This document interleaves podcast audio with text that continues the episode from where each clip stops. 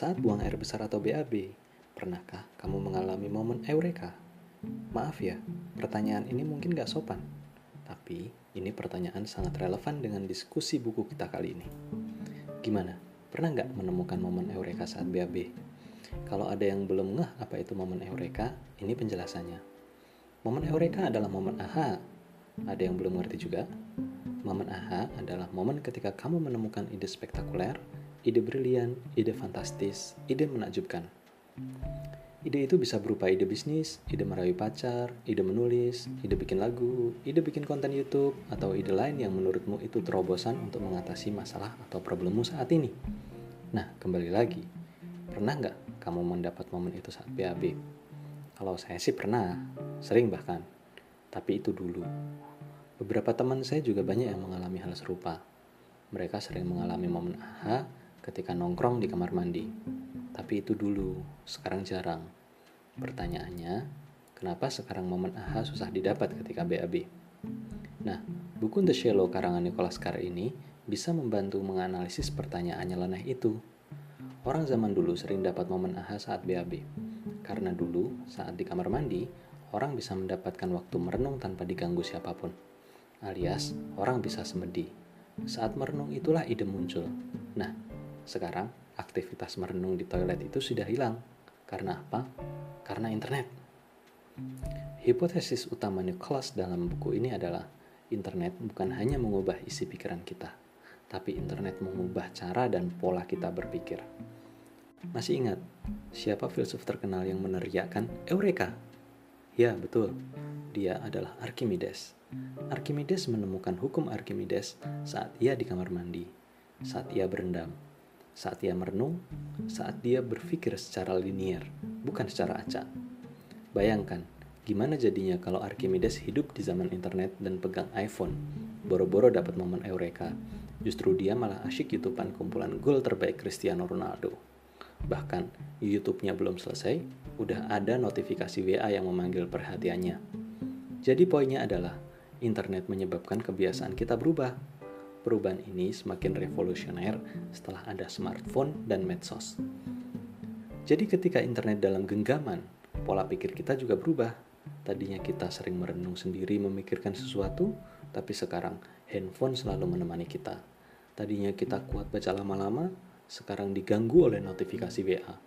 Dulu kita berpikir linier, sekarang kita dilatih berpikir secara acak dan lompat-lompat.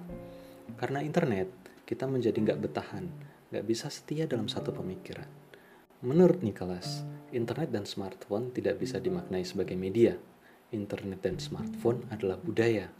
Nicholas menamakannya sebagai budaya layar. Budaya layar ini menggusur apa yang dinamakan budaya cetak. Budaya cetak diwakili oleh lembar-lembar buku, koran, majalah, tabloid, dan sebagainya. Dalam budaya cetak, orang diajari untuk fokus pada satu atau beberapa tulisan, tidak banyak. Namun pada budaya layar, kita sangat mudah berpindah bacaan, meloncat-loncat, maaf, seperti monyet. Ini buktinya. Pada era internet dan smartphone, satu tulisan dipenuhi oleh berbagai hiperlink atau tautan. Hiperlink itu sesungguhnya maksudnya baik, yaitu sebagai referensi atau daftar pustaka. Jadi, hiperlink itu diniatkan untuk memudahkan para pembaca. Misal, zaman mbah kita dulu, kalau Mbah baca artikel opini di koran cetak, kan nggak mungkin Mbah bawa buku-buku yang diacu sebagai referensi di dalam artikel itu.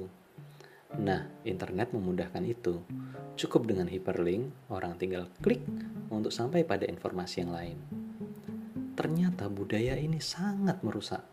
Saat kamu baca artikel yang ada hyperlinknya, kamu cenderung tertarik untuk mengklik hyperlink itu toh? Saat kamu klik hyperlink itu, kamu cenderung tidak kembali ke artikel yang kamu baca di awal tadi. Yang terjadi adalah seperti ini. Kamu buka artikel yang lain, buka informasi yang ada di YouTube, gali lagi di konten YouTube yang lain, cek profil penulisnya di Instagram atau Facebook, setelah itu nyeruput kopi sambil cek WA. Terus, kapan kamu balik ke artikel yang kamu baca di awal tadi? Nah, terbukti kan? Otak kita jadi terbiasa untuk tidak fokus dan merenung. Otak kita dibiasakan untuk gerusa-gerusu. Otak yang gerusa-gerusu ini bukan tanpa akibat. Orang jadi gampang emosian, sumbu pendek, dikit-dikit marah, dikit-dikit nangis, dikit-dikit sedih. Di dalam budaya layar, otak kita dilatih untuk berpikir sepatah-sepatah, nggak holistik. Kita juga nggak punya waktu untuk merenung. Akhirnya, kata Nicholas, kita menjadi bodoh.